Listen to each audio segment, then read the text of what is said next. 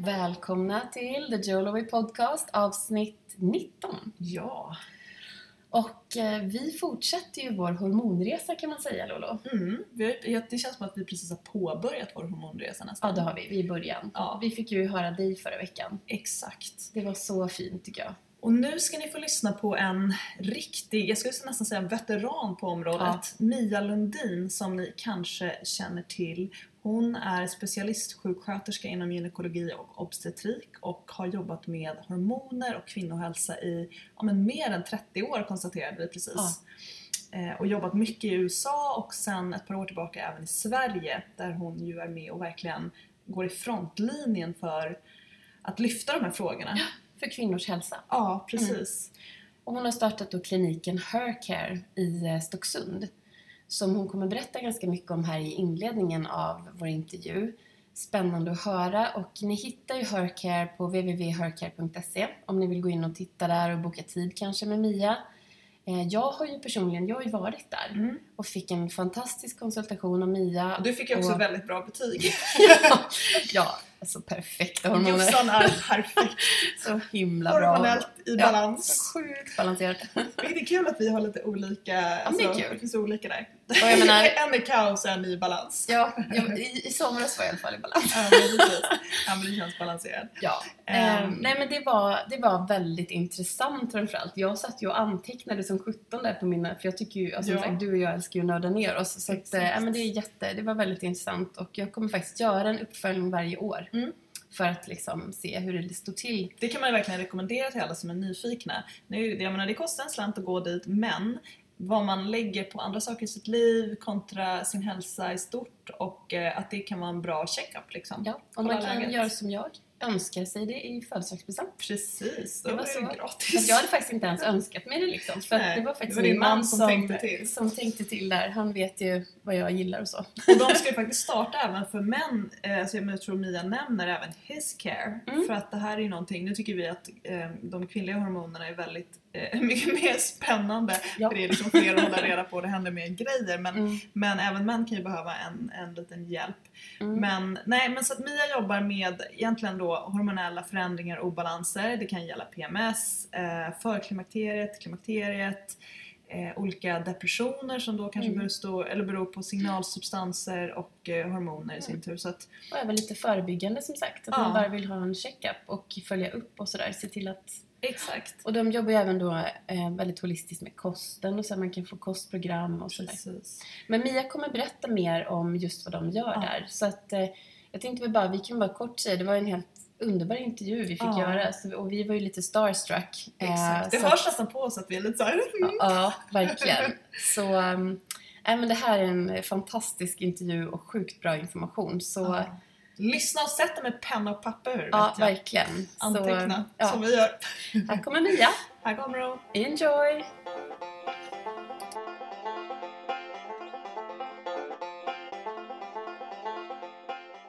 Välkommen till The Joloway Podcast, Mia Lundin. Ja, tack. Vi är så glada och stolta över att du vill träffa oss idag. Ja, det här ska bli känns- kul. Ja, det ska bli så kul. Vi har ju vi har så mycket frågor. Jag såg, vi satt här innan på vägen hit och tänkte så här, hur ska vi nu på något sätt eh, distri- distribuera tiden så att vi hinner liksom med alla de här frågorna. Men Ja. inser att det kommer vi säkert inte göra ändå. Så att Nej. det, vi kör och sen Ja, får vi hinna det vi vi hinner. tar det vi hinner tänkte Ja. vi. Ja. Vi sitter ju på Hercare som är eh, din klinik i Täby.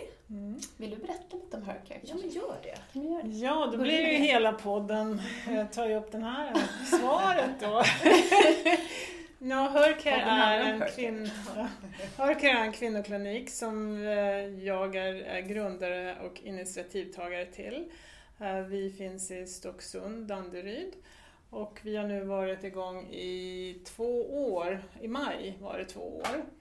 Och vi är en klinik då som ehm, tar emot kvinnor alla åldrar, men kvinnor som eh, först och främst inte mår bra eller har hormonella problem eller PCOS eller ehm, utbrändhet, sköldkörtelproblem. Eller kvinnor som bara ehm, vill komma hit för att förebygga eh, sjukdom och det är någonting som har precis startat som heter årlig hälsokontroll för kvinnor. Där man får komma in och träffa barnmorska gynekolog och göra omfattande blodprov innan för att säkerställa att du är frisk och att du håller dig frisk länge. Så Mm. att vi jobbar från båda hållen nu och tar emot de som inte kanske har gjort det och inte mår bra. Plus Mm. att hjälpa de som vill förebygga ohälsa. Mm. Och eh, då jobbar vi mycket med ja, traditionell gynekologi med, tillsammans med vad som kallas funktionsmedicin då, där man tittar på de underliggande orsakerna till varför du mår som du mår.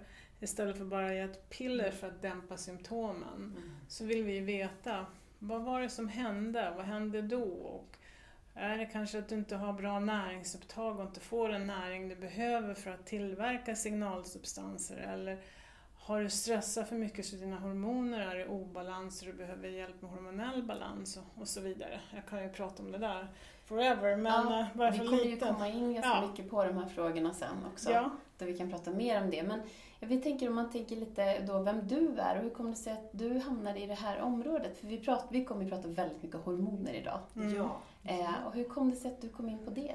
Och vem är du? Ja, berätta om Ja. dig.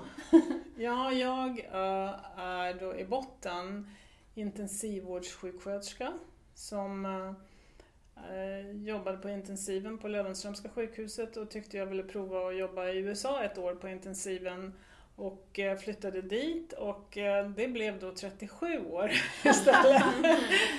och eh, efter att ha gjort det här året på det här hemska akutsjukhuset i Los Angeles så bestämde jag mig för att stanna och gick en utbildning som hette Nurse Practitioner på Harbour UCLA och då får man jobba lite grann, det är som ett mellanting mellan sjuksköterska och läkare så jag, fick, jag öppnade då en egen praktik i Kalifornien och eh, drev den i en kvinnoklinik i 18 år och hade ungefär 4 000 patienter när jag slutade.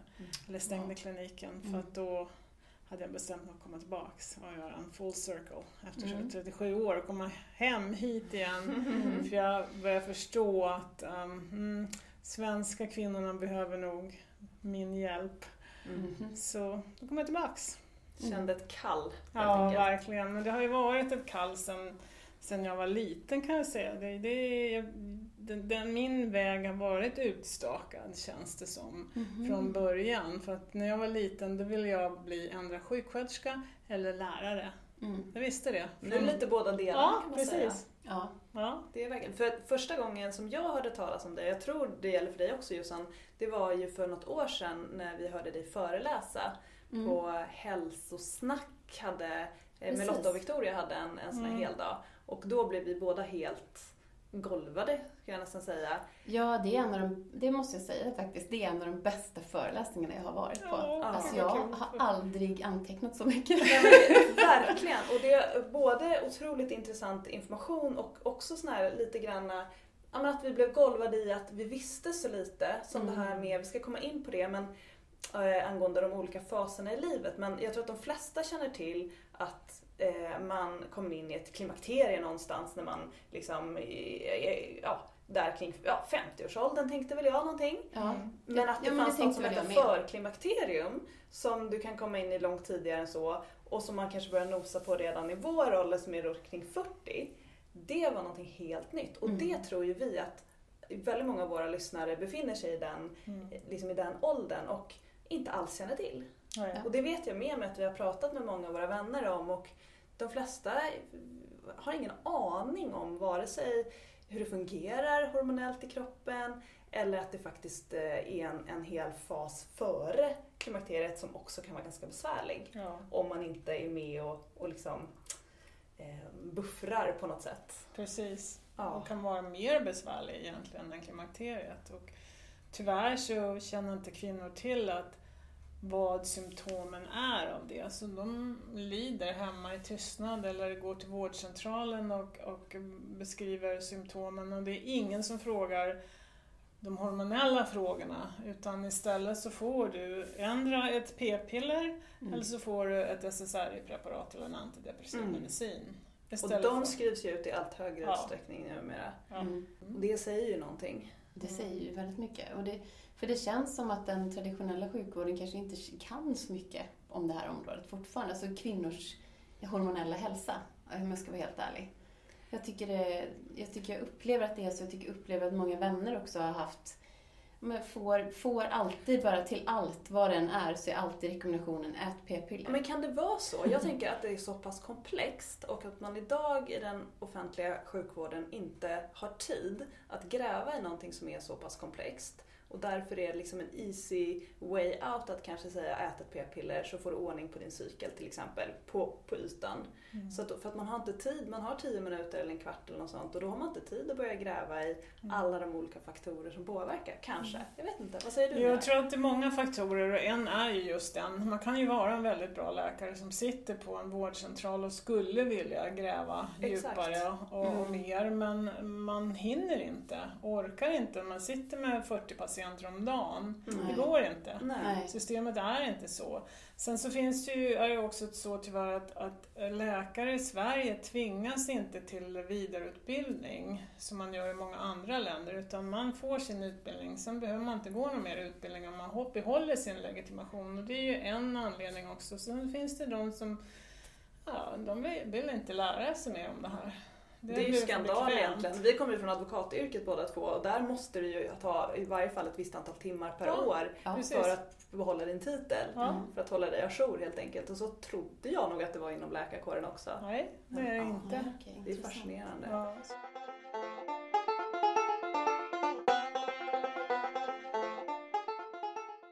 Ska vi hoppa tillbaka lite och börja från början då kring hormoner? Eh, för om vi börjar med att det skiljer sig ju en hel del mellan kvinnor och män. Ja. Eh, det, är, det, ja, det har vi märkt. Det, det, det, det har vi märkt. Jag tänker, kan du berätta lite om det? Liksom bara så, verkligen basics. Ja, men kvinnors hormoner varierar ju från dag till dag under den här menstruella cykeln. Och vi kommer aldrig att må riktigt lika varje dag under en menscykel. Och det är ju en fantastisk symfoni som spelar där varenda månad och målet är då att, äh, att bli gravid. Äh, det är därför kroppen gör det här. Män å andra sidan, de har ju samma hormon varje dag och de mår lite grann lika varje dag. Och, och det, det, det kanske är svårt att förstå då för dem att varför mår hon sådär idag? Hon mådde ju inte så igår. Eller Ja, vi förstår ju dem. Oh yeah. jo, jo, absolut. men, så det är ju lättare, men äh, våra, inte bara hormonerna utan våra nervsystem är ju helt olika. Män och kvinnor är så olika och vi måste börja förstå att vi är det. För gör vi inte det och ska vi vara the hunters och försöka hinna med allt och göra allt och hänga med och ta hand om allt och alla då mår inte kvinnor bra. Vi har ett nervsystem som är väldigt känsligt av den anledningen för att vi ska vara, vi ska, vi är bra på att känna efter, ta hand om, lyssna och vara med och bolla saker samtidigt. Men män, tänk om de hade det här känsliga nervsystemet och de skulle gå ut och skjuta tigern och börja gråta. Det går ju inte. Mm. Vi ska skydda oss. Så att, Mm, jag är inte så rädd för att säga det här för att jag har bott i ett annat land länge och jag kan mm. se att det har gått lite för långt. Givetvis ska kvinnor ha samma lön och bli respekterade precis på samma sätt, no question about it. Men vi måste börja tänka efter lite. Vad är det vi är verkligen bra på? Mm. Hur ska vi kunna ändra det här så att vi också mår bra? Ja, vad behöver vi för ja, att må bra? Ja. Och hur kan vi ändra också Liksom, för att samhället är ju uppbyggt kring någon slags manlig norm kan man ju säga. Och om du ska ut på en vanlig arbetsmarknad så är det ju den normen som styr. En vanlig dygnsrytm där ingenting är styrt efter att du har en cykel varje månad. Alltså, så ja, det, det som har hänt idag egentligen med den jämställdheten som vi har uppnått i Sverige och som vi liksom är världskända för att ha. Mm. Det är ju egentligen att vi har, alltså vi kvinnor har boxat in oss i en en, eh, en, om vi är en, en rund boll så har vi boxat in oss i ett fyrkantigt hål mm. som är mannens. Och mm. kan vi spela på de villkoren, ja men då är det jättejämställt. Mm. Men det funkar inte uppenbarligen eftersom vi har igen, det skrivs ut otroligt mycket ångestdämpande och Mm. eh, serotoninpreparat, vi är eh, utbrända, vi är sjukskrivna och det är ju i stor utsträckning kvinnor som Ja, drabbas. Mm. Och det är ju något, ett fenomen som har kommit också sen vi blev så inom citationstecken jämställda. Mm. Det är ju inte så att det är eh, männen som har anpassat sig efter någon sorts så här kvinnligt, cykliskt, men då skulle det se annorlunda ut. Mm. Jo, absolut. Så, så jag håller helt med. Och vi måste börja tänka om och, och även när man anställer personal så anställ någon som är bra på just det och inte sätta alla i samma box. Utan här kanske vi behöver en kvinna för den här rollen, här kanske det är bättre med en man för att vi är olika. Mm. Och vi måste också i, i, i parförhållande respektera det. Att han, han, kommer, han, han vill gå och gömma sig när du vill prata. Mm. För han, han, när han är stressad då, då stänger vi dörren och tittar på TV eller någonting, eller då vill vara själv. Och så kommer du, men kommer du inte ihåg när vi sa det där? Jag sa ju det förra veckan och så sa jag det och så sa du det. Då står- ser de ut som ett frågetecken för att det är inte viktigt för dem att komma ihåg hela konversationen. Nej, det Intressant. känner vi väl, jag känner väl igen det här. Och framförallt det här behovet som kvinnor upplever jag har att prata på ett annat sätt och prata om samma sak. Ja. Att liksom inom citationstecken älta, Ja. vilket har en lite negativ klang. Mm. Ehm, och utan att hänga ut min man nu så kan han då uppleva att jag bara, du säger bara samma saker. Ja. Har du inte skrivit ner det någonstans så kan du bara titta på det så behöver du inte säga det igen. Du bara, tack för det tipset. Ungefär så. Eller för många ord, det är för många ord. Det här har jag ju redan hört. Och jag är så här, jo fast jag behöver, och igen det här, jag vet att du har sagt det i någon annan podd, ehm, att din, jag tror att din son sa något så klokt att do you, do, you need an ear or Resolution. Exakt, och den Mm. försöker jag säga ibland till min man att jag behöver inte att du ska nu respondera och ge mig en lösning på det här utan jag behöver bara att du lyssnar. Mm. Eh, och då tycker han, då känner han sig lite utnyttjad tror jag. Eller? Ja. Han får inte ge något. Han ska bara... han ska bara lyssna, då kan man lika gärna gå och prata med en vägg liksom tycker jag. Ja, det är jättesvårt. Men Jag säger det till min man också. Nu vill jag bara berätta något för dig. Och då ser jag liksom att han seglar iväg medan jag pratar med honom eller börjar prata med hunden eller klappa hunden. Men jag vill att Du ska, ändå lyssna. Ja, Men jag lyssnar ju. Mm. Vi behöver få älta lite ibland och eh, det är därför det är viktigt med tjejkompisar också. Och det är också viktigt för oss kvinnor att inte försöka göra männen till kvinnor. Mm. Mm. Gör vi det? Ja, På vilket sätt då? Det här tycker jag är jättespännande Ja. och säkert lite känsligt vilket gör det ännu mer spännande. ja verkligen. Alltså det är ju, svenska kvinnor generellt sagt nu är väldigt starka och strong-minded. Tycker jag. Vi sitter här och nickar allihopa. Ja, ja, för att eh, och männen, vi är nästan lite, de, de, de blir lite rädda nästan för er. Mm. Ja, fortsätt du sitta och nicka. Det är så. Det, eh, och de måste också få, få vara den som... Det här pratar jag mycket med vår specialistläkare som har börjat här nu och driver Hiscare. Mm. Att det är väldigt viktigt att vi låter männen få vara starka och låta dem känna att de tar protect us och tar hand om oss och får vara den starka mannen i grottan som ska skydda dig från lejonet som kommer. De måste få känna det. Är det viktigt för deras hormonella Ja, hälsa? absolut. De måste verkligen få känna det. Vi kan inte ta över den rollen. Mm. Um, Det är jätteintressant. Det har jag hört. Jag har faktiskt hört flera sådana här, um, framförallt amerikanska så här, uh, terapeuter Mhm. prata i olika poddar om just det. mm. Och faktiskt, liksom, jag ska inte heller hänga ut min man och allt, men, men liksom det, vi, det har vi också konstaterat liksom, i eh, sammanhang att han har ju också behov av att känna att jag behöver honom. Mm. Alltså, Absolut. Det är ju en väldigt viktig del. Mm. Alltså att när man bara gör allt själv hela tiden, bara fixar, alltså liksom, det blir så här, men vad, vad finns jag? Och vad, Ja, jag vill, han vill ju känna sig behövd såklart. Mm. ja Liksom. exakt Mm. så.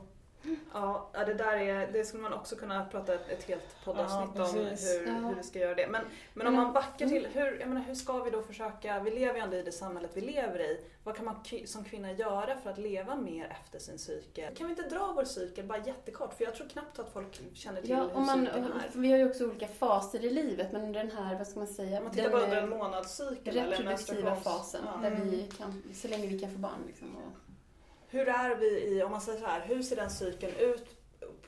Alla ser olika förstås, men som, som i skolboksexemplet. Och hur mår vi under de här olika faserna? Vilka behov har vi, Mm. typiskt sett? Mm. Egentligen, det kommer ut en suverän bok. Om du, har ni pratat med tjejerna på Women's Sync? Ja, Har ni pratat med dem? vi har varit i kontakt med dem. Ja. Ja, Yes. de kommer ju, i deras bok kommer de beskriva precis det. Hur vi kvinnor mår under den här hormonella cykeln och vad det är meningen att vi ska göra och inte göra under vissa delar av den här cykeln.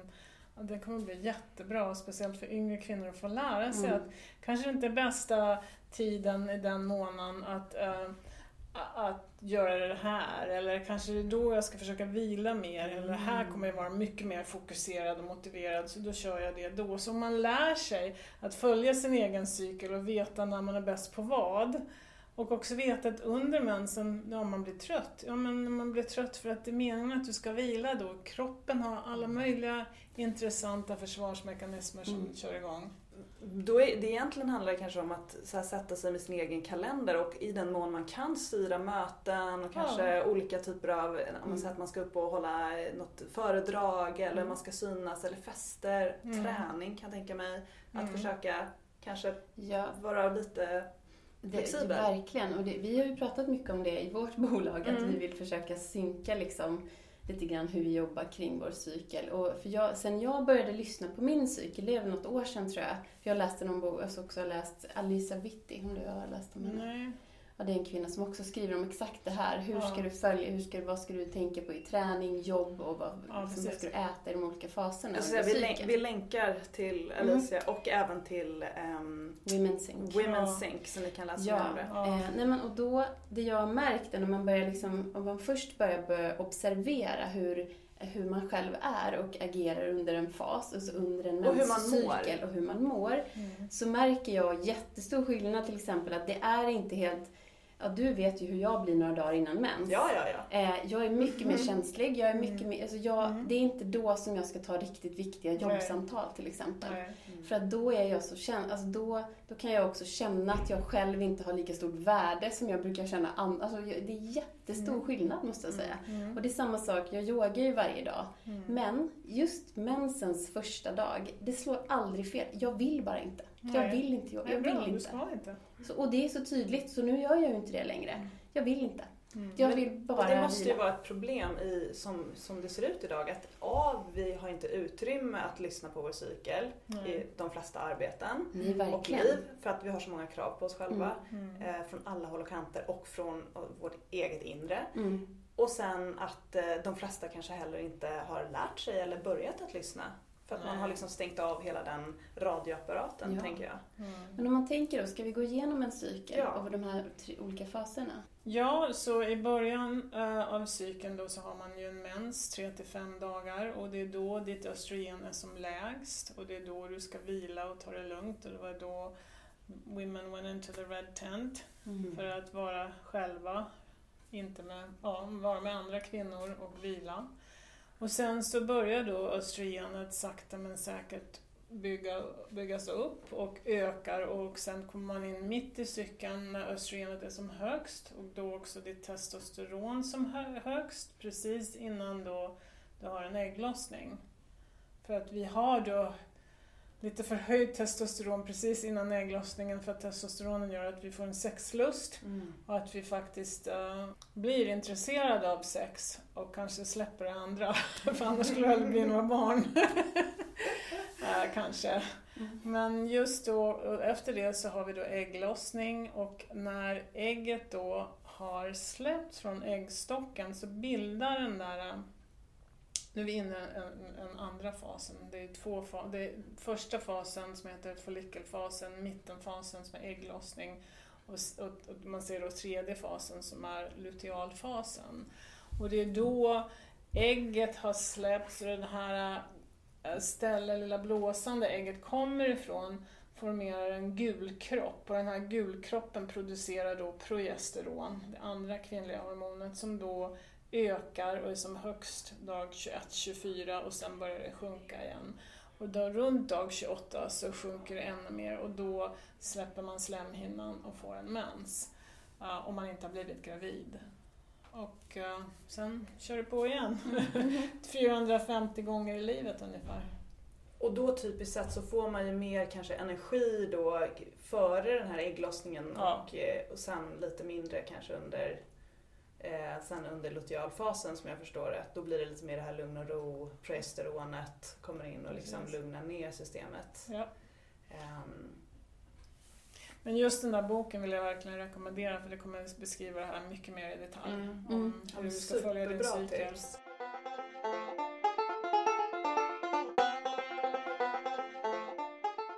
Men om man säger så här, om det är en, en, en eh, olika faser i en cykel, i en menscykel, hur är de olika faserna i vårt liv då? Ja, den, den, det ser ju annorlunda ut nu för att vi är så pass stressade som vi är och lever i en så stressig värld. Men egentligen så skulle vi ha den här fina hormonella cykeln tills vi närmar oss 50-årsåldern. Och eh, sakta men säkert skulle man tycka, mensen blev mindre och mindre och sen fick man några vallningar och sen så ja, var det slut med Mm. mensen. Ungefär som mamma och mormor betedde sig runt klimakteriet. Men idag så har vi två nya faser, tyvärr, på grund av stress. Och den första då är ökad PMS mm, i ja, mitten av 30, ja, 35-årsåldern, men- mitten av 30-årsåldern är det vanligt att det börjar öka på. Att man har då symptom innan mensen och um, oro, ångest, depression, huvudvärk, um, sötsug, liknande. Men så fort mensen kommer så mår man bättre, som att trycka på en knapp.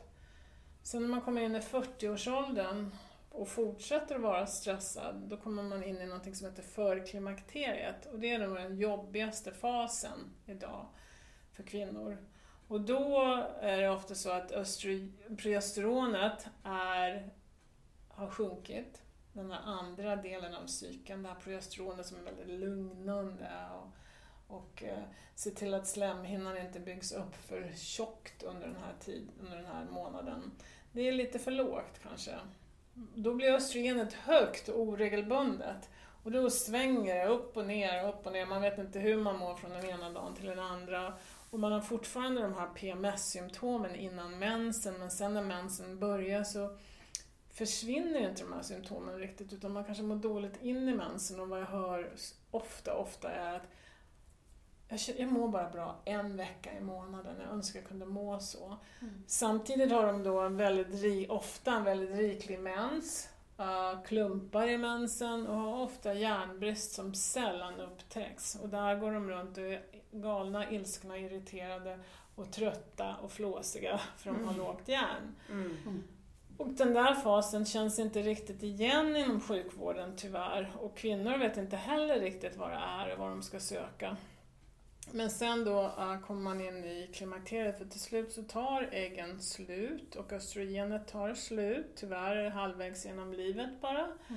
Uh, de här hormonerna som håller oss glada, friska, unga och alerta uh, tar slut. Och då uh, känner man sig, när östrogenet då sjunker, då, då går den här ilskan och galenskapen mer in till uh, gråtmildhet och klumpen i halsen och man känner sig flat och omotiverad och det här var inte så kul längre, så här man ska må nu. Um, och sömnsvårigheter, torra slemhinnor. Det låter kul. Det låter underbart. Inte så roligt Men det talar jag om för de som har symptom. Sen finns det faktiskt kvinnor som seglar igenom alla de här faserna Mm. utan att må dåligt. Så Mm. att, eh, Och är det generellt då kvinnor som kanske inte har utsatts för lika hög stress eller som hanterar stressen på ett bättre sätt, kanske har en högre stresströskel eller ja, för det första har de kanske ehm, tar de tid för återhämtning och de har balans i sina liv. Man kan ha stress men man måste också ha balans och återhämtning. Men man mår inte som man mår från hormonerna i sig själv utan man mår som man mår från signalsubstanserna. Så har du väldigt robusta signalsubstansnivåer som ligger här uppe eh, då är inte du så beroende av den här blir inte så påverkad av den här hormonella kurvan som sker under månaden. Men är, har du en låg nivå av serotonin, ja då åker det berg och dalbana på hormonerna under den här menstruella cykeln. För att våra kvinnliga hormoner, östrogen ökar både serotonin och dopamin. Progesteron ökar en annan signalsubstans som är väldigt lugnande som heter GABA. Mm. Så är du beroende bara på att hormonerna tillför det, då, då kommer du känna dig väldigt olika från dag till dag. Mm. Så Så lite ledande fråga då, men om man upplever den här typen av hormonella besvär så är, kan det vara en god idé att titta på hur man kan stötta upp sina signalsubstanser Ja. på andra vägar gissar jag. Ja precis, och då gäller det att titta på både input och output. Mm. Så att vad är det, hur fyller jag på? Mm. Och hur undviker jag att det åker ut eh, genom avloppet i den här tanken, som vi kallar det här då, för Mm. snabbt. Uh, så det, man måste jobba från båda hållen och då kan man ju diskutera, det kan vi prata mer om om ni vill, men Ja. vad man. Ja, hur kan, man, hur kan man fylla på sin serotonintank? Ja, fyller på gör man genom, genom ofta, oftast genom kosten. Mm. Och eh, då är det viktigt att magen mår bra. För mår inte magen bra, då tar du inte upp vad du äter. Och mår inte magen bra, då tillverkar du inte tillräckligt med serotonin för att 90% är tillverkad i magen. Så här har vi den brain, brain-gut eh, connection igen. Mm. Just det. Ju sämre du mår, ju sämre ma- mår magen. Mm. Ju sämre magen mår, ju mindre serotonin tillverkar du. Så det blir den här uh, Mm. catch 22. Mm. Så magen är viktig, tarmen att den är hälsosam. uh, att du ger kroppen sån näring och sån mat som ökar serotoninet. Och det är ju först och främst proteiner. Att man äter för i sig tillräckligt med proteiner. Och spelar det någon roll om det är animaliska eller vegetariska proteiner? Nej, för en del, en del behöver mer animaliska proteiner för att må bra medan andra kan må väldigt bra på vegetariskt. Individuellt? Ja, det är väldigt individuellt. Sen behöver man olika co- cofactors då som B6 eller hela B-komplexet. Um, D-vitamin, att man ser till att det är normalt, att järnet är normalt och som många i förklimakteriet inte är. Jag skulle vilja fånga upp det här med D-vitamin för att det känns ju som att de flesta mår mycket bättre under sommarhalvåret. Mm. Eh, både psykiskt och ja, men överhuvudtaget. Även liksom hormonellt och, och jag vet att, Mm. det ska vi komma in på senare, men, men olika hormonella obalanser. Jag upplever själv att, att det blir bättre under när man har varit på en solsemester eller när man, under sommarhalvåret när man har fått den här otroliga liksom, soldosen förhoppningsvis. Mm. Den här sommaren har vi fått det i varje fall. Mm. Eh, och om man då ska äta D-vitamin under resten av året, det har vi förstått att det ska man helst göra. Men då vet jag att det finns vissa förespråkare, bland annat Jenny Kos som du kanske känner till. Hon förespråkar inte att man ska äta D-vitamin regelbundet, sådär en tablett om dagen. Utan hon förespråkar vet jag att man ska ha eh, ganska intensiva doser, mycket högre än det rekommenderade intaget, punktvis. Mhm.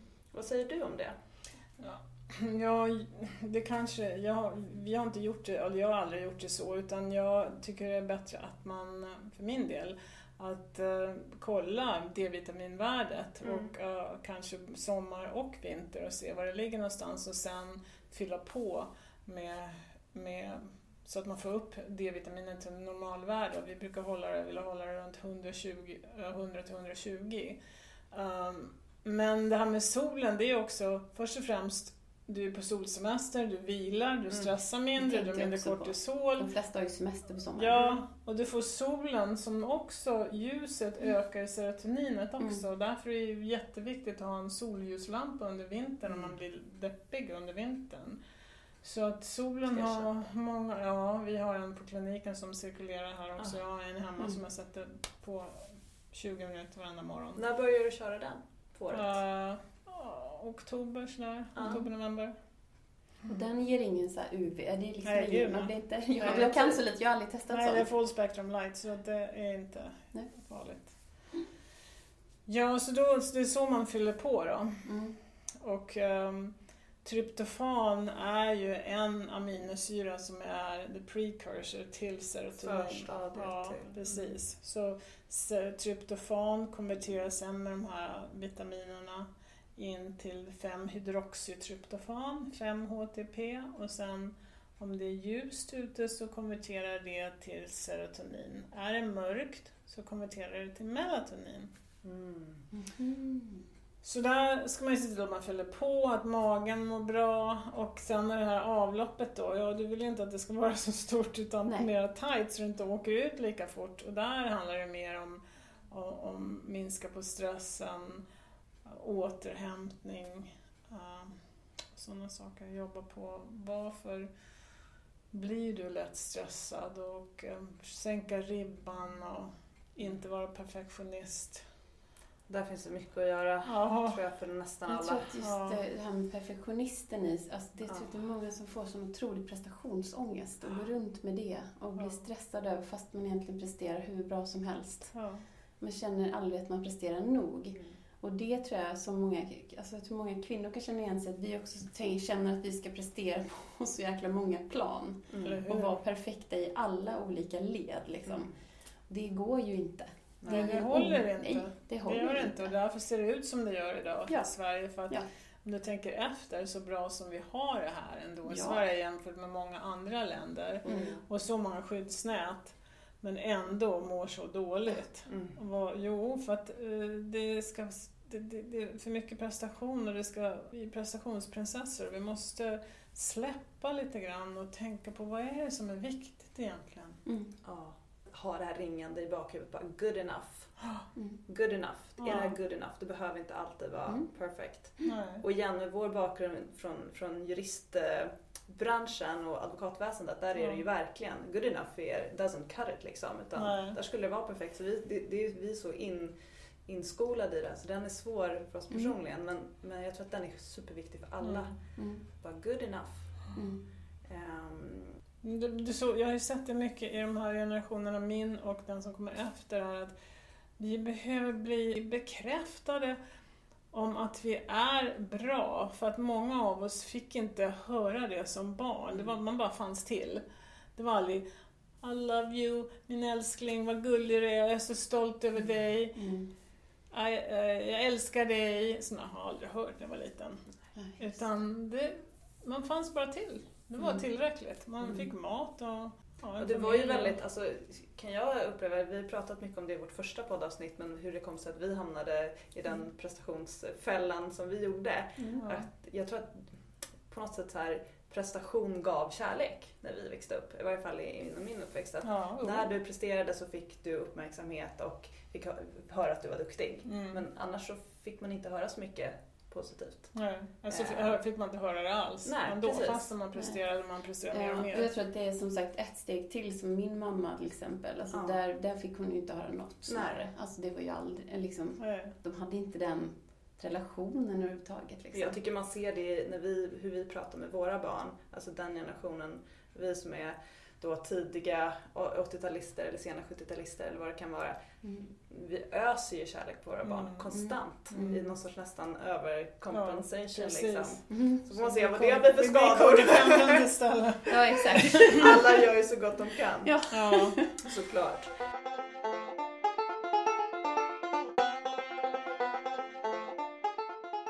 Det vi har fått höra i alla tider är ju liksom att ja men PMS och att du ska ha ont när du har mens, allt sånt där är bara, det är så det är.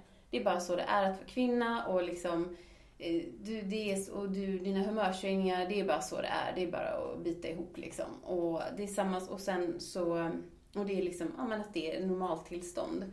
Och vi får också höra liksom att, ja men ät p-piller från att du är 15 liksom. Mm. Um, ser vad min fråga egentligen är här.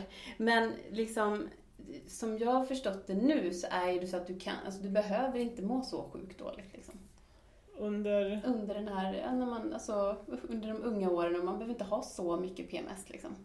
Nej, PMS är in... Nej, du ska inte ha PMS. Nej, exakt det är det jag menar men det är det som Men- alla tutas i att det här, så här är det bara att vara kvinna. Nej, precis. Och det, absolut ska det inte vara så. Men också måste vi lära oss att vi mår lite olika från dag Ja till men dag. precis. Och man kan inte må perfekt varje dag men däremot ska man inte lida som många gör fruktansvärt under de här premenstruella dagarna. Nej. Där de får gå och stänga in sig någonstans Nej. för att de är, eh, det är ohållbart att vara med människor eller, eller kunna prestera någonting. Mm. Och det är ju fruktansvärt att, ehm, att, att det inte tas upp mer än den vanliga vården för att där, PMS är nog det lättaste att behandla egentligen. Mm. Vad kan vi göra? Ja, först och främst måste man titta på stressnivån. Varför är dina hormoner inte eh, balanserade längre? För För kroppen det är det som händer när man har för mycket, eller för mycket PMS då, då är det något som är i obalans. signalsubstanser och eh, ibland Mm. också progesteronet är Ja. lågt. Man, man, man är så beroende av det här progesteronet för man har inga GABA i GABA-tanken kvar. Och därför, om inte progesteronet eh, ställer upp då och ser till att det ökar GABA så då mår man dåligt. Eh, och så har också serotoninet stor ehm, del i det här. Men att man ser till att den här kvinnan får den näring hon behöver för att ge kroppen det kroppen behöver för att kunna tillverka de här signalsubstanserna och de här hormonerna så att hon känner sig då balanserad. Istället för att ge ett p-piller som bara trycker ner dina egna hormoner.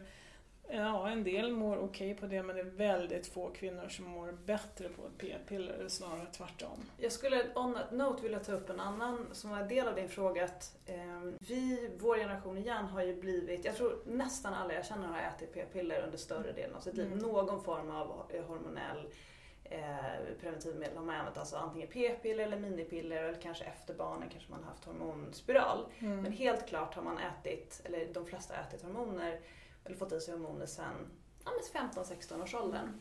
Och det har ju diskuterats ganska flitigt huruvida det är bra eller dåligt. Men, men för det första, vad, ser du några problem med den förskrivningen av p-piller som vi har? Medicinskt sett så ser jag ju inte att det orsakar det och det utan det är ju väldigt safe egentligen äh, medicinskt och, och preventivmedel. Uh, en del kvinnor blir ju väldigt deprimerade på p-piller och kanske inte förstår att det är från det.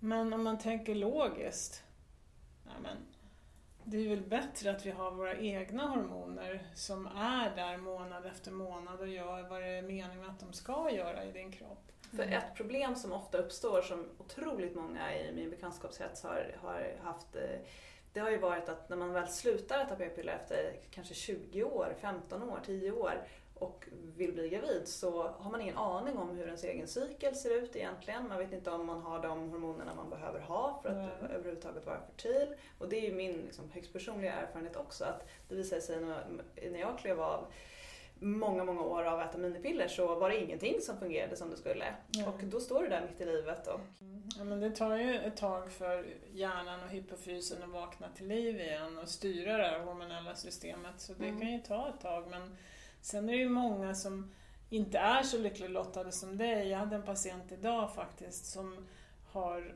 mått eh, väldigt dåligt under en längre tid. Eh, och eh, hade en utbrändhet för 10-15 år sedan och har liksom inte riktigt kommit tillbaka sedan dess. Har Haft mycket oro och ångest och undrar varför, varför kommer jag aldrig tillbaka och varför mår jag inte bättre? Hon har tagit minipiller under den tiden och minipillret i sig själv kan ge de biverkningarna som oro, ångest och depression. Många kvinnor, det är ju ett gestagen, och många kvinnor reagerar mm, emotionellt på det. Så hon sa så här, men tänk, tänk om det bara är det, att jag har mått dåligt i 15 år. Mm. Bara för, som biverkning av minipillret. Och, det, och jag har kommit tillbaka varje år och fått det av min gynekolog förskrivet. Har det är ingen någon gång som har pratat med mig om hur jag mår. Så, ja. Det vore ju väldigt ledsamt om det var så. Verkligen. Och jag har en fråga då också om när man äter p-piller och en sån här menscykel, de här faserna, blir det annorlunda då? Eh, nej, när du äter p-piller då är dina egna hormoner tillplattade. Ja men precis, för, att, för liksom, om man tänker då att man har sin egen sy- månatliga cykel och om du äter vanliga p-piller så får du ändå en mens, men det är någon slags hittepå, eller liksom... Hittar, nej men det är en till men som, när du tar ett p-piller så, så skickar ju då, då, då får ju din kropp i sig syntetiskt östrogen och progesteron. Så då tänker hypofysen, oh, okej okay, nu behöver inte jag göra någonting, nu behöver inte jag styra någon hormonell Mhm. cykel längre. Så du tar östrogenet och det där östrogenet påverkar också din slemhinna i eh, livmodern och byggs upp.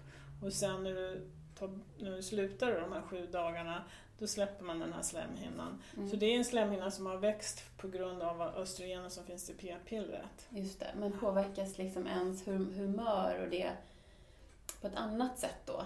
För att det är något som är tillsatt än snarare än att det är ditt eget system som... Ja, du har inte supporten av dina egna hormoner som då supportar uh, signalsubstanserna. Och så ovanpå det kanske du har biverkningar från själva p-pillret. Mm. Men en del kvinnor som har PMS mår bättre på p-pillret Mm. också. Mm. För att de trycker ner, plattar till sin egen Mm. eh, cykel som gör att de mår så dåligt under vissa tider av Mm. menscykeln.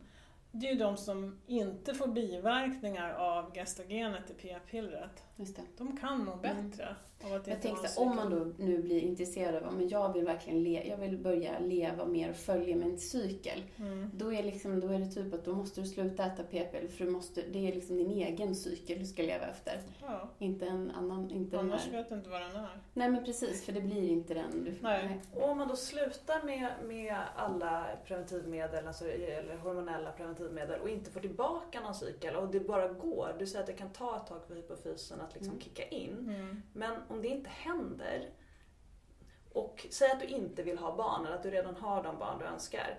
Finns det någon vits med att ha en cykel och egna könshormoner? Eller kan de ligga platt i backen eller väldigt lågt utan att det ger några andra Nej, det är inte bra. För att, lågt östrogen kan öka risken för både benskörhet och hjärt-kärlsjukdom. Mm. Så det är bra att ha sina hormoner. Men, men vad gör man då och vilka med, alltså vilka... Men frågan är, får inte dina äggstockar signalen från hypofysen att köra igång igen? Det centralt Ja. problemet, där, där problemet ligger? Ofta har det att göra med då stress och signalsubstanser. Eller är det att äggen har tagit slut? Mm. hur mycket, det, det spelar ingen roll hur mycket hypofysen skriker på äggstockarna, de kommer inte, det kommer inte komma några mer ägg. Och hittar man inga orsaker så är oftast orsaken bad nutrition eller stress. Mm. Eh, Och obalans i signalsubstanserna. Eller att man, kroppen tycker inte att det är läge att bli gravid just nu. För det är Mm. inte bra runt omkring en. Du förespråkar ändå att äta eller tillföra hormoner. Ja, det skulle jag inte- göra om jag inte... Ja, ibland så tillför vi hormoner för att ge kroppen vad den behöver för att du ska få eh, stöd för dina signalsubstanser. Du ska få den antiinflammatoriska effekten och du ska få eh, hjälp med att förebygga benskörhet och hjärt-kärlsjukdom. Mm. Så hittar man inte anledningen till att man, varför man inte får mensen, ja då ger vi hormoner ett tag och sen så kan man, ibland kan det få dig att må så mycket bättre. Sen man slutar efter 3-6 månader så voilà, där kommer mensen. Finns det, finns det eh, du sa att man kan må dåligt eh, psykiskt av gestagen. Mm. För det är ju det syntetiska progesteronet, eller Mm. hur? Som finns i nästan alla preventivmedel.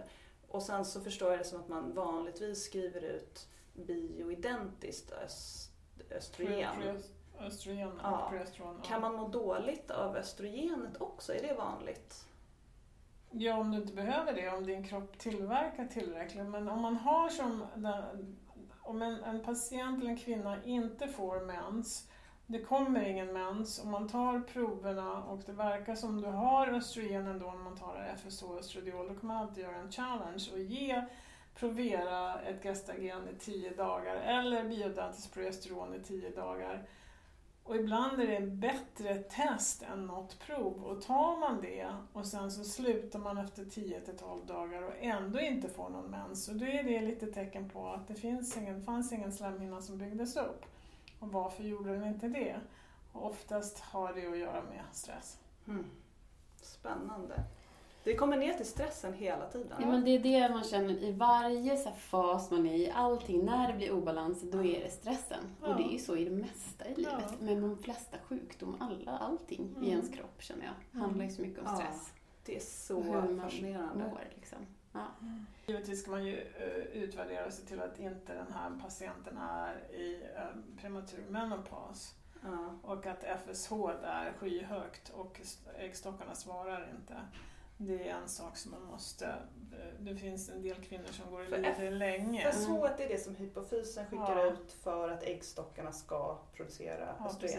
Ja. Så det är viktigt att man inte missar det, att någon är i prematur menopaus. Ja, Mm. Och de är då i utsatt risk för hjärt och kärlsjukdom eftersom de då har levt under en längre tid och kommer leva under en längre tid utan östrogenet som är väldigt förebyggande. Så, och med benskörheten också, så man får inte missa det.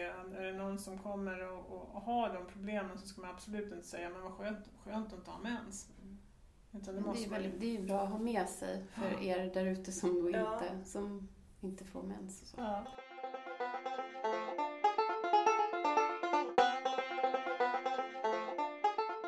Ja, men om vi hoppar vidare till då om man vill bli gravid. Ja. Hur ska man bäst förbereda sitt system? Stressa Eh. så lite som möjligt. ja. Handlar om solsemester kanske? Ja, Ja. precis.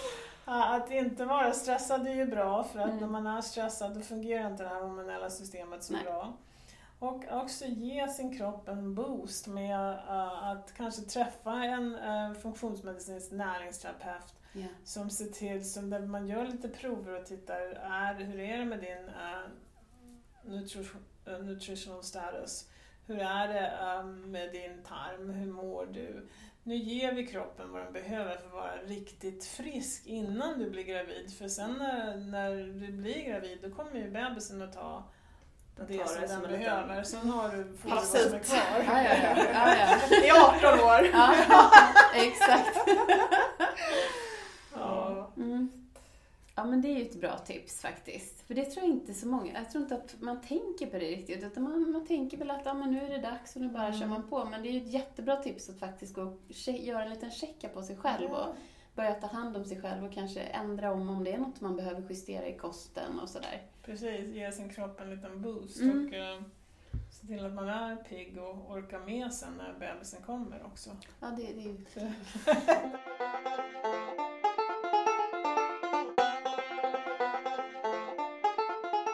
var inne på det här med, med vad man kan göra med kosten och det är ju väldigt spännande. Ehm, en sak som jag tror många har hört talas om men som få kanske riktigt har koll på det är det här med fytoöstrogener. Mm.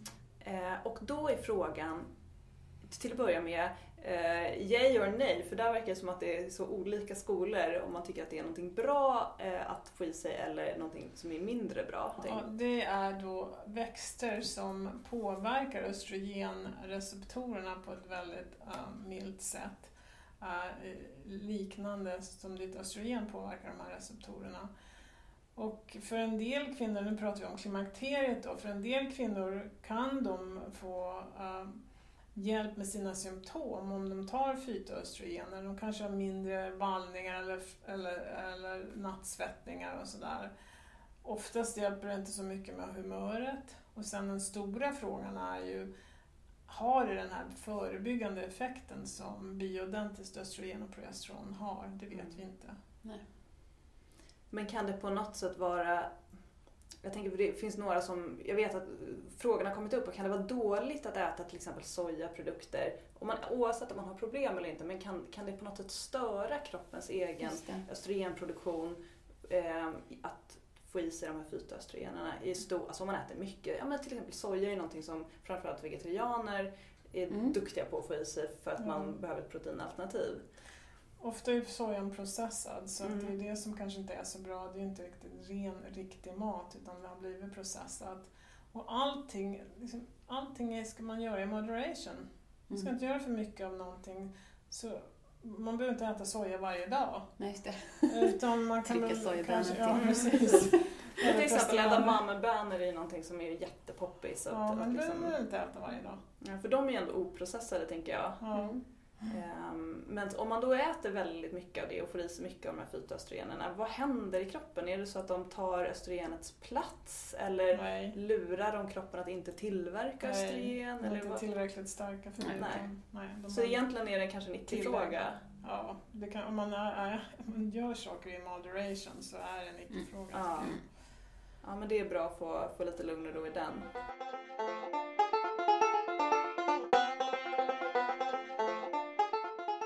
Finns det naturliga tillskott vi kan ta under, när vi ändå är i liksom den här mitt i livet-fasen för att eh, just vad gäller kosten för att Mm. mm, hjälpa våra hormoner? Bäst är det att få all, all näring genom kosten. Mm. Och att man då har en tarm som tar upp den här näringen. Mm. Men ibland behöver man extra. Och de vanligaste bristerna det är ju D-vitamin, speciellt i Sverige då när det är så mörkt så länge. Och magnesium. Mm. Magnesium är väldigt lugnande. Mm. Uh, och eh, det är väldigt vanligt att vi har brist på magnesium.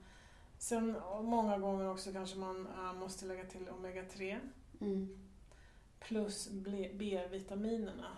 Många behöver, som lever under enorm stress behöver extra B-vitaminer. De som är veganer, vegetarianer eller tar p-piller behöver extra B12. Mm. De som dricker mycket alkohol behöver mer B12. Så att de är väl de viktigaste tycker jag. Mm. Att man kanske behöver eh, sätta till ibland och uh, boosta kroppen lite grann. Men det mäter ni här och tittar på när man, när man träffar er och hur man ligger till med sina värden där eller? Ja, vi mäter ju B12 och folat. Ja, vi mäter D-vitamin. Vi mäter magnesium också, men magnesium i serum är inte det bästa sättet att mäta magnesium utan det ska man egentligen göra i röda blodkroppar men det är väldigt dyrt och det görs inte i Mhm. Sverige. Så vi tittar på magnesium i serum men eh, man, vi går också mycket på symptom. Och vi kollar också något som heter homocystein ett värde som vi vet att om det är högt ökar det risken för hjärt och kärlsjukdom plus depression. Och då, det har mycket att göra många gånger med äh, att man, man kanske behöver lägga till B, vissa B-vitaminer. Mm. Mm. Så allt, man måste titta på hur mår du? Vad har du för provsvar? Vad har hänt? Hur har du mått tidigare i livet? Vad har du för symptom? När kommer symptomen? Ah, och när börjar det? För det är också väldigt viktigt att titta Mm. på. Mm. Jaha, vad hände då? Vad var det som hade hänt innan dess då? Som, jag hade en patient häromdagen som sa Ja, jag, hon har orolig ångest, eh, panikångest. Eh, det har hållit på så många år, jag har mått så dåligt så länge. och Jag har provat alla möjliga olika saker. Och det hade bara blivit liksom en snöboll som gjorde att det blev sämre och sämre och sämre. Men hur länge har du haft När började det här då? Ja, det började när jag var 13. Och sen så hände det här. Eller nej, sen så började jag må så här och sen så började jag må så här. Men vänta, vänta. Så, jag. det hände när du var 13. Vad var det som satte igång det då? Mm. Jo, min bästa kompis som jag hade haft sedan första årskurs ett, hon började helt plötsligt mobba mig och det där höll på liksom i ett år. Mm. Tills att hon blev så knäckt så att hon inte orkade vara med längre. Mm. Och hade då med, under den här tiden tömt den här serotonintanken mer och mer tills hon låg och skrapade på botten. Och då Mm. var det panikångest, oro som smällde till helt plötsligt. Mm. Så det är ju alltid, det börjar av någon an, speciell anledning att man börjar må dåligt eller bli utbränd. Och det är inte så här, "Opp, eh, igår mådde jag bra, idag är jag utbränd, utan det tar tid. Och det tar ungefär, generellt, ungefär tre månader att tumma den där tanken om något stressigt händer. Mm. Man klarar av det där. Mamma dör, jag ska klara av det här. Mm. Vi ska ta hand om allting, det får man ju lov att göra. Uh, men sen efter tre månader, det är då, man, uh, det då Mm. symptomen kommer. För att då har man tömt den här tanken. Mm. Så att, uh, ja nu kommer jag inte ihåg vad frågan var men jag svävar iväg där på det. Men Jag tror vi egentligen började med att vara inne på lite tillskott. Ja, just ta. Men, eh, men det här var, det var en väldigt intressant och givande historia. Och hur är det med tillskott då av hormoner? För ni, ni, vi, ni pratade ju lite om det här och det tror jag att många inte riktigt känner till det här med bioidentiskt och vad är det liksom, vad är det? Vad är, Bra att du tar upp det. ja, för vad är, vad är skillnaden liksom? Gestagen, vad, vad är vad liksom? Ja, um, bioidentiska eller kroppsegna, det är samma sak, hormoner, mm. är hormoner då som dina äggstockar producerar och där ser molekylen av ditt eget östrogen ut så här och progesteronet ser ut så här. Det är det man vill sätta tillbaks när det börjar svaja och de inte finns där längre, hormoner som kroppen känner igen. Ett nyckel som öppnar, säger klick i nyckelhålet, öppnar dörren och gör dominoeffekten som dina egna hormoner s- gör normalt. Men eh, då finns det andra hormoner som i, i Sverige, östrogenet som tillsätts i klimakteriet är nästan alltid ett bioidentiskt östrogen. Så plåstret, Estradot och Lenset och spray och um, andra hormoner som vi använder, även kombinationspreparat. Östrogenbiten är bioidentiskt oftast. Men sen i Sverige använder man mycket då um, ett, det andra hormonet istället för progesteron så använder man ett gestagen och det är ett ord för ett syntetiskt progesteron eller ett progesteron som inte liknar ditt eget, där molekylen inte liknar ditt eget eh, progesteron och kroppen känner inte riktigt igen det där och kroppen reagerar på många olika sätt. Plus att vi vet att det ökar risken för bröstcancer lite grann och ökar risken för blodpropp, djup ventrombos. Um, plus att kvinnor inte mår bra på det där. De flesta kvinnor mår inte bra på gestagener. Nej. Finns det, finns det kvinnor som reagerar på själva det bioidentiska östrogenet också negativt? Ja, det, det gör de om, om, om deras signalsubstanser är så pass i obalans att de inte kan ta den stimulerande effekten av östrogenet så kan man må dåligt av det också. Eller om man har tillräckligt med östrogen själv och lägger till östrogen. Som kvinnor i förklimakteriet som går och då till en, en läkare som inte känner till det här med att det finns något som heter förklimakteriet där östrogenet är högt och svajar och med ett lågt progesteron de kvinnorna har ofta nattsvettningar på grund av det här östrogenet som svajar upp och ner. För det är när det och sjunker som man får det här adrenalinpåslaget och svettningarna och känner sig varm. Om man inte vet då att det här är den här patienten, eller kollar det, hon är i förklimakteriet med ett högt eh, östrogen, är östrogendominant och då ger den kvinnan östrogen, då kan du ju tänka dig att hon mår ju inte så bra. Mm. Så att uh, oftast är det då Mm. man inte mår bra på östrogen om man redan har Mm. en hög nivå själv. Intressant. Ehm, Men sen finns det också en till grupp ja. och det är de då som kanske vi har en patient som är i klimakteriet. Hennes östrogen, när vi mäter det, det är väldigt lågt och man tänker då att ja, hon behöver östrogen. Men då finns det en typ av patient som inte hanterar det ändå och det är den patienten som har haft långvarig stress, har ett väldigt lågt serotonin från långvarig stress och, det här, och när man ger då östrogenet så är det för stimulerande på den andra sidan av vågskålen där. Östrogen, eh, förlåt, serotonin är väldigt lugnande, GABA väldigt lugnande. Tänk ett gungbräde, det är på ena sidan. På andra sidan är noradrenalin och adrenalin och de där måste vara i balans. Men har man då ett väldigt lågt GABA och låg serotonin från en långvarig stress och tillsätter östrogen som stimulerar den här sidan, då skjuter noradrenalinet iväg och man får hjärtklappning och blir nervös av östrogenet. För de, egentligen vill deras kropp ha östrogenet Mm. men ändå signalsubstansmässigt klarar de inte av att ta det för de blir för stimulerade och de har inte tillräckligt av det här lugnande uh, GABA-serotonin för att klara av den stimulerande effekten av östrogen. Mm.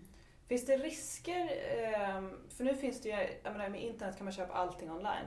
Finns det risker med att liksom självmedicinera med Absolut. bioidentiska hormoner? Absolut. Det låter Ingen inte ska, något. ja, tack för att du frågar. Ja. Att ingen ska självmedicinera.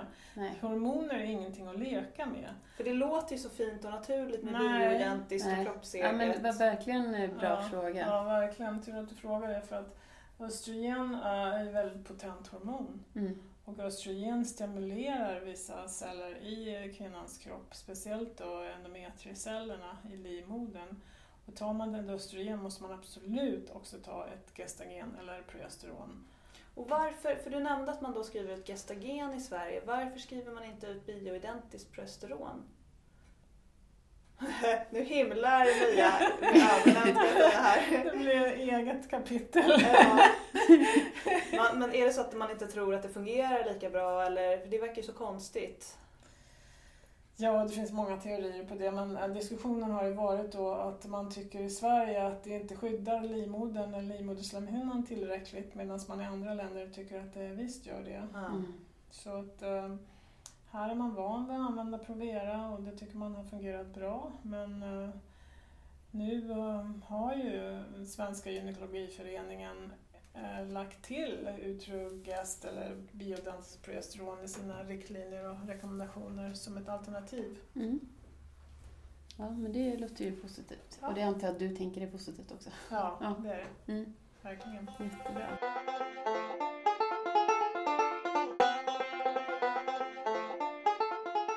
Jag tänker om man pratar lite också då, vad heter det, förklimakteriet. Vad är den vanligaste obalansen? Vad är det vanligaste som händer då? Att man är östrogendominant, att man Ja. har riklig mens, man har bröst som känns tunga och ömma. Man är irriterad och stimulerad och äh, ilsken. Mm.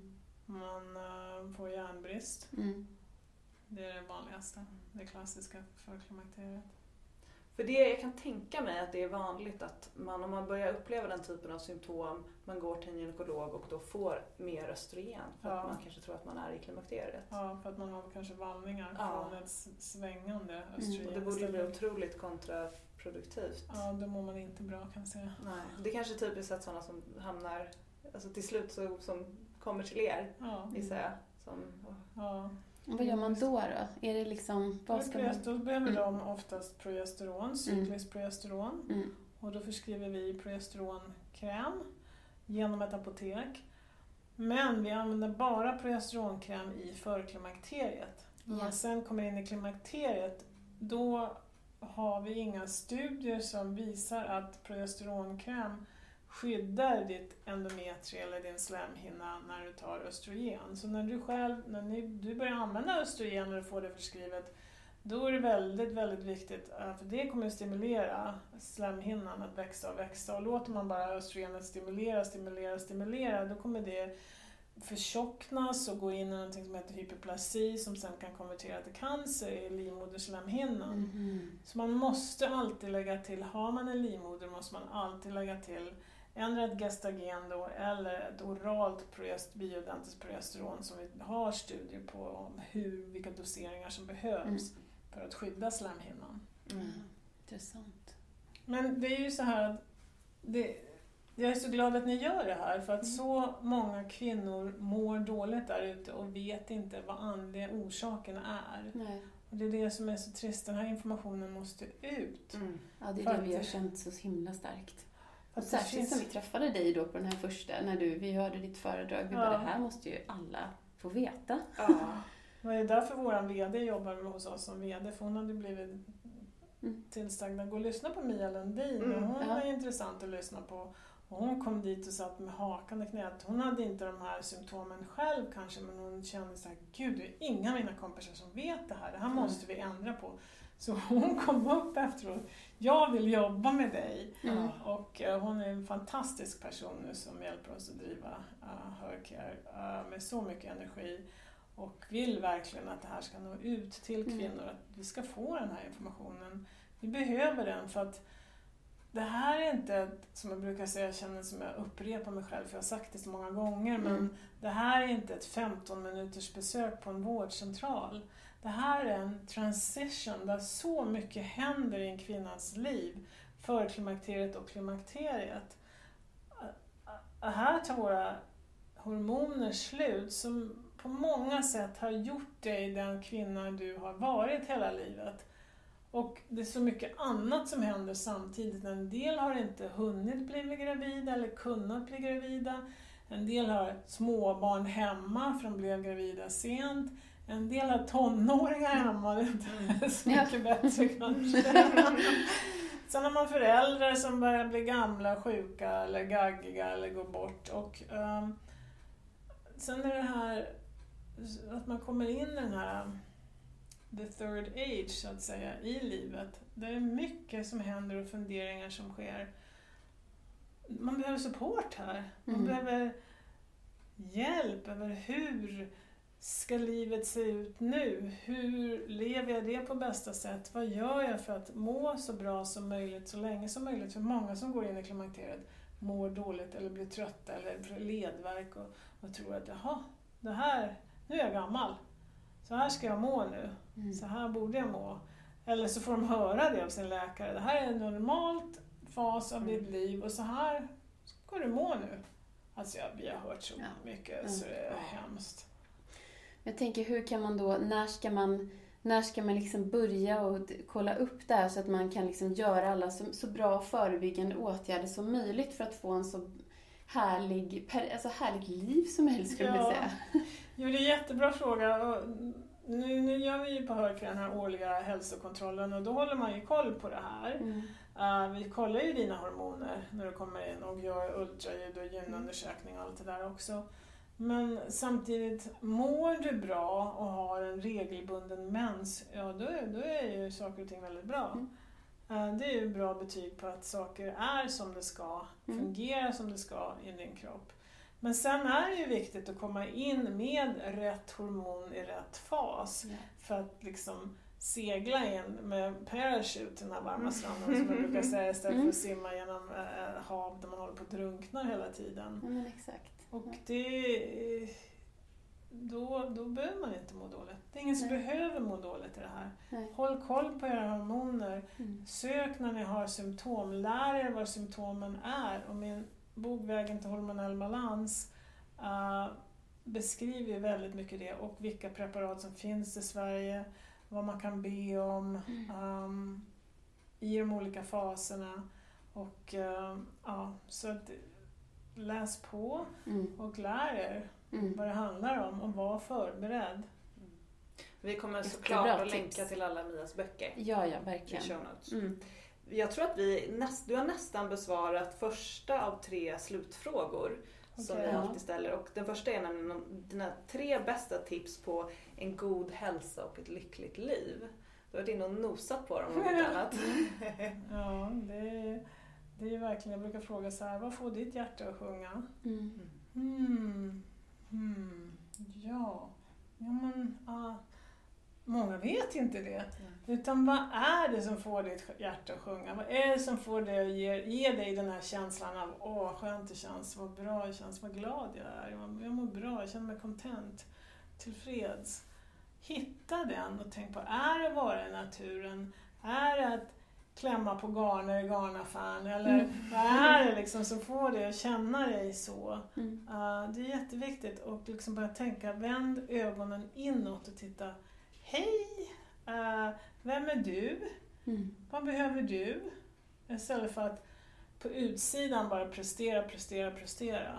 Utan gå in och känna efter. Vad finns det där? Vad är det som saknas? Vad Mm. behöver jag? Vad gör mig glad och content eller tillfreds? Mm. Det tycker jag är jätteviktigt. Um, det är väl det allra viktigaste. Ja. Vad är det som gör me- livet meningsfullt för dig? Det tycker jag, det tycker jag liksom... det Says it all. Ja, men it Ja. says it all, verkligen. Eh, och jag tänkte om, du får nämna en förebild som har betytt mycket i ditt liv. Det kan vara en person eller bok eller någonting. Uh-oh. Det är två stycken. Mm. Det är Katarina Dalton som eh, tack vare henne så sitter jag här idag. Katarina Dalton fanns i England. Jag vet faktiskt inte om hon lever fortfarande. Men hon är en av de få som tidigt började behandla kvinnor som hade förlossningsdepression och PMS med bioidentiskt progesteron. Mm. Och det var då när jag fick min förlossningsdepression, det är därför jag kom in på det här spåret Mm. och verkligen började titta på vad är det som vad händer med kvinnors hormoner och hjärnkemin uh, under de här faserna Mm. under, efter förlossning. Det var ju då jag hittade henne, för jag började läsa allt jag kunde hitta. Eller, ja, och då hittade jag henne och tack vare henne så lärde jag mig om progesteronet och på den vägen är jag Mm. nu. Sen är det också väldigt intressant för uh, jag hörde om Hilma af Klint Mm. tyckte att vilken underbar person. Hon vågade också. Jag vågar. Jag är här för jag vågar. Mm. Jag tänker inte vara... Jag är försiktig, men jag är också inte, jag är inte rädd. Hon var inte heller rädd. Hon, hon hade... Hon målade som konst som ingen trodde på då och nu är hon ju världsberömd. Och, och framsidan av min bok också representerar ju henne och hennes konst. Det var jättekonstigt för att jag tyckte att hon är en fantastisk person. Jag började läsa mer om henne och hennes seanser och allt det här som hon Ja. hade. Hon var verkligen före sin tid. Mm. Och sen så skulle vi göra äh, framsidan på boken, Bonnier skulle göra den och jag sa ingenting till någon om hur jag ville att den skulle se ut. Så kommer det där. Det är rysningar för den helt klart. Ja. Ja, och eh, hon, är- jag tror hon är med på sätt och vis här Mm. för att, eh, Mm. Hon är med, hon Ja. är någonstans och supportar dig ja jag tror det. längst din väg. Mm, det Ja. tror jag också. Definitivt. Vår sista fråga eh, som vi alltid ställer det, är, det handlar om hur vi kan hjälpa till och egentligen sprida ditt budskap och det du jobbar med. Hur vi kan Mm. på något sätt eh, göra det vi kan. Ja. Vi och våra lyssnare. Ja. Ja, det tycker jag är en väldigt bra fråga och tack för att ni frågar den. Det är att prata med dem runt omkring er. Det behöver Mm. inte vara att man går ut på en broadcast utan alltid dela med er hur ni mår. Hur mår du? Vet du vad, så där är väldigt vanligt att man kan må, eh, att man börjar öppna upp lite mer och inte försöka vara så perfekt på ytan att man tror att man är knäpp eller knasig utan dela med er av hur ni mår Mm. och vad ni har för svårigheter och stötta varandra istället för compete. Ja, det är det vi måste börja göra vi kvinnor. Absolut. Vi måste, vi måste hitta ehm, eh, vi måste hitta, nu tappar jag ord, jag hamnar mitt, mittemellan språken. Vi måste hitta um, Ta det på engelska annars. Mm. Ja men jag hamnar i varken eller. Community, vi måste Ja, ha communities. Vi behöver vara tillsammans, vi Mm. behöver prata, vi behöver älta. Vi behöver använda alldeles för många ord för den sak som skulle kunna sagt Ja. en mening. Vi behöver det, vi behöver kvinnogemenskapen och supporten och dela med oss. Vi har tappat den nu för vi har inte tid. Mm. Och sitta på liksom datorn eller, och titta på Facebook och titta vad alla andra gör så perfekt, det bara skadar en. Det är inte support. Utan där lägger man bara upp om man ska visa vad duktig var jag kunde. Det är ju oftast det lite mer polerade Ja, Mm. precis. som man är lite nöjdare med som Mm. hamnar på Insta. Absolut. Ja, men Det är inte de det. sämsta dagarna oftast. Nej, nej, men verkligen Nej, utan dela med det som inte kändes så bra också. För att många som mår dåligt tror att de är den enda i världen som mår dåligt. Ja. Mm. Ja. Jättetack! Mm, tack Ja. själva för att ni kom Vi hit. ska fortsätta bygga community. Ja. Det är vår stora mission. Det är vårt faktiskt ultimata mål med Ja. allt det vi gör. Att bygga, eh, Hjälpa bygga varandra. community. Mm. Tusen tack Mia för att du kom. Vi kommer länka till allt det du gör ehm, all, och vi kommer länka till Hercare så att man, alla kan hitta dig Ja. Så att eh, man kan komma i kontakt med dig. Vad är bästa sättet? Är det att mejla eller för Instagram är inte din kanal, eller hur? Jo, vi har, vi har Instagram också. Vi har Mm. Facebook, Instagram, men allra bäst är att gå till hemsidan som vi Hemsidan. håller på och bygger om för Mm. att den är kanske inte så användarvänlig som vi skulle vilja att den skulle kunna vara. Som vi vill, vill att den ska kunna vara. Mm. Så det är bästa sättet och Ja. där finns alla kontaktuppgifter till Mm. Workcare. Och igen lyfta det som du var inne på i början att ni också lanserar eller har lanserat Hiscare. Så att det är inte Ja, bara kvinnor utan Mm. även män som kan Ja, vända sig. precis. Som kommer hit för sin årliga bildbesiktning så att säga. Mm. Precis, den är bra. ja. Ja, men jag kanske bara ska, jag vill bara lägga till som ett litet slut att jag har ju varit här på min årliga Ja. bilbesiktning och det var, det var Du gick hur- igenom besiktningen Jag, jag klarade ju besiktningen. Precis. Jag fick godkänt, så jag får fortsätta att köra. Nej, men det var, det, och det är något som jag kommer göra nu varje år. Mm. Eh, för det kändes jätteviktigt och jag är supertacksam och glad att jag hade den möjligheten att göra det. kanske ska skaffa en sån här liten pin eller Ja. en sticker. Jag, har gjort- Besiktigad. jag, har gjort- jag är Ja. besiktigad på Hörker. Ja, exakt. Någonting att lägga till i dejtingprofilen. Ja, precis. Besiktigad och godkänd. Ja. Men tusen tack. Ja, tack själva.